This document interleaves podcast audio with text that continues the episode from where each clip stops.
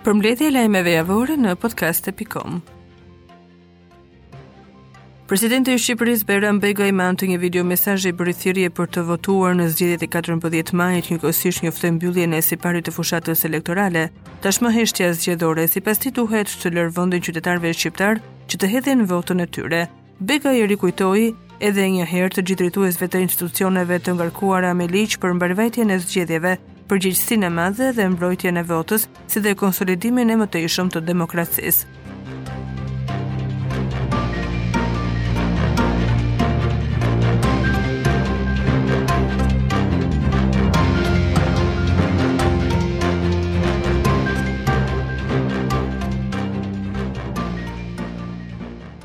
Një aksident me vdekje është shënuar në kryeqytet në aksin Tiranë Elbasan, një mjet Hyundai ku po udhëtonte stafi i ambasadës ruse është përplasur me barrierat metalike dhe është zbatuar në rrugë. Si pasojë e kësaj përplasjeje, një person ndërroi jetë dhe një tjetër u plagos rëndë. Në vendin e ngjarjes ka ndërruar jetë shoqëruesi i ambasadorit rus Sergei Minorov, 36 vjeç, i cili ishte pasagjer në mjet si dhe është plagosur rëndë drejtuesi i mjetit të identifikuar si Andrea Kukovic, 30 vjeç. Një grup hetimor është ngritur për të sqaruar aksidentin, ku nga hetimet paraprake dyshohet se shkak ka qenë shpejtësia e madhe.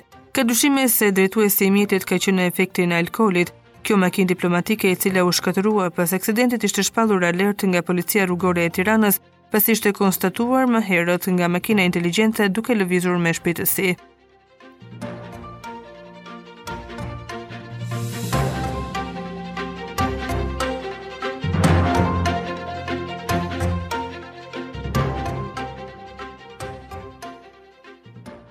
5511 punonjës policie u angazhuan për ruajtjen e objekteve zgjedhore në vendin tonë në 14 maj, ditën e zgjedhjeve vendore. Policia e Shtetit njofton masat e marra për mbarëvajtjen e procesit të votimit dhe të numërimit në 5211 qendra votimi, 92 KZAZ dhe 92 VNV. 57 objekte të rëndësishme në këtë proces do të merren në mbrojtje me angazhimin e 192 punonjësve të policisë dhe forcave komando. Në deklaratën për shtyp, drejtori i Departamentit për Rendin dhe Sigurinë Publike në DPPSH, Rebani Jaupi, njoftoi se po hetohen disa raste që lidhen me dyshime për shitblerje votash, por nuk dha më shumë detaje për shkak të konfidencialitetit të hetimeve. Gjithashtu strukturat e policisë në Has, Kavajë, Patos, Kukës dhe Durrës në bashkëpunim me prokuroritë respektive kanë trajtuar dhe aktualisht kanë nën hetim denoncime nga subjekte të ndryshme për çështje që lidhen me procesin zgjedhor, shtoi ai. Masat janë marrë edhe për mbarëvajtjen e punës për vëzhguesit afatgjatë të OSBE-ODIHR, të cilat kanë akses të monitorojnë zbatimin e masave të ndërmarra në kuadër të procesit zgjedhor. Masat shtesë të ndërmarra në kuadër të këtij procesi zgjedhor me qëllim garantimin e rendit dhe sigurisë publike gjatë ditës së votimit, garantimin dhe promovimin e të drejtave dhe lirive të qytetarëve dhe subjekteve që marrin pjesë në këtë proces, si dhe për ruajtjen e objekteve dhe materialeve që do t'i shërbejnë këtij procesi, do të zbatohen duke filluar nga data 12 deri në përfundim të procesit zgjedhor, deklaroi Aupi.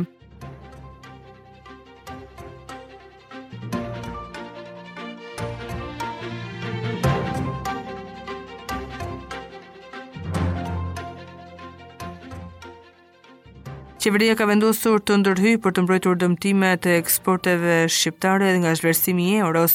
Ministrja e Financave pas konsultimit me shoqatat eksportuese ka njoftuar marrjen e masave emergjente për efektet negative që ka sjellë rënia e euros me 8% harkun e një viti. Masat pritet të zgjidhin krizën për para kesh që bizneset po përjetojnë ndërsa një grup pune do të ngrihet për të zgjidhur pasojat në afatgjatë.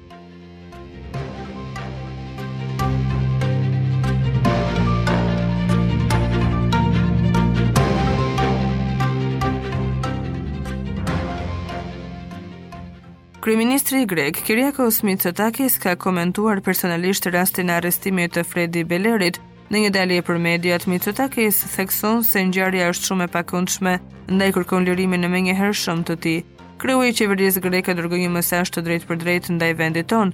Ai paralajmëron se nëse nuk lirohet Beleri, Shqipëria do të ketë të vështirë afrimin drejt Bashkimit Europian. Më lejoni këtu të hap një parantezë dhe të them diçka për një ngjarje jashtëzakonisht të pakëndshme që ndodhi në Shqipërinë fqinje mëngjesin e sotëm, ku fatkeqësisht u arrestua kandidati për kryetar të bashkisë së Himarës, zoti Fredi Beleri.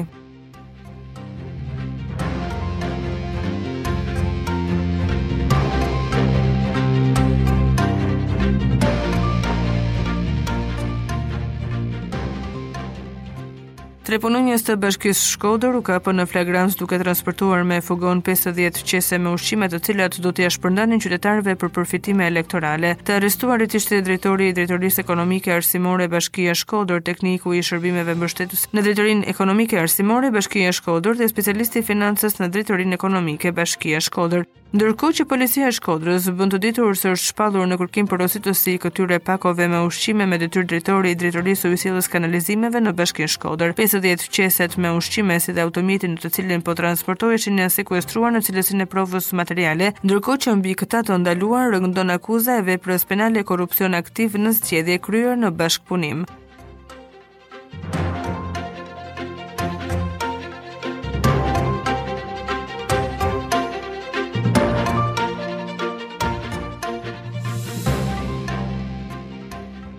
E shtuna ishte heshtje zgjedhore pas mbylljes së një dite më parë të fushatës elektorale të partive politike të cilat do të konkurrojnë në zgjedhjet lokale të 14 majit.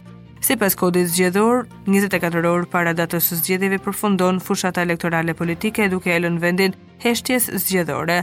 Rreth 140 kandidatë të subjekteve politike si Partia Demokratike, Partia Socialiste, Partia Lëvizja Bashkë, Partia e Minoritetit Etnik Grek për të ardhmen, Partia e Frontit të Majtë, Partia Drejtësi Integrim dhe Unitet si dhe koalicioni Bashkë Fitojmë do të synojnë të marrin drejtimin e bashkive në të gjithë vendin. Në 44 bashki do të garojnë nga dy kandidatë, në 14 bashki do të jenë 3 kandidatë, ndërsa në Sarandë do të jenë 4 kandidatë.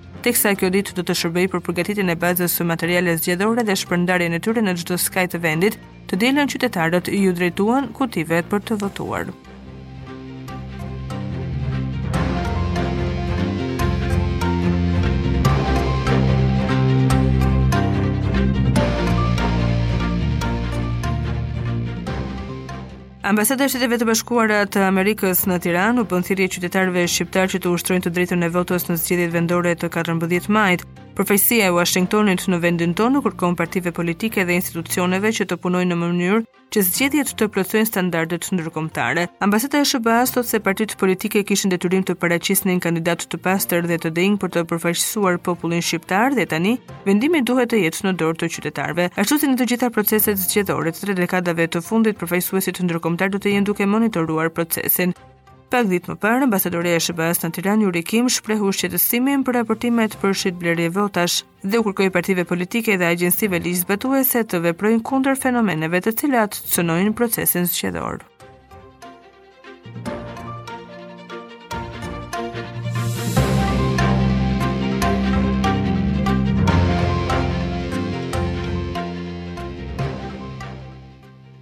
Një 34 vjeçar me inicialet E.K. është vënë në prangat e policisë pasi akuzohet se ka goditur me grusht kryetarin e bashkisë së Kolonjës Erion Isaj. Policia bën me dije se ka nisur procedimin në gjendje të lirë për një tjetër person, Materialet i kaluan prokurorisë pranë gjykatës së shkallës së parë të juridiksionit të përgjithshëm në Korçë për veprime të mëtejshme.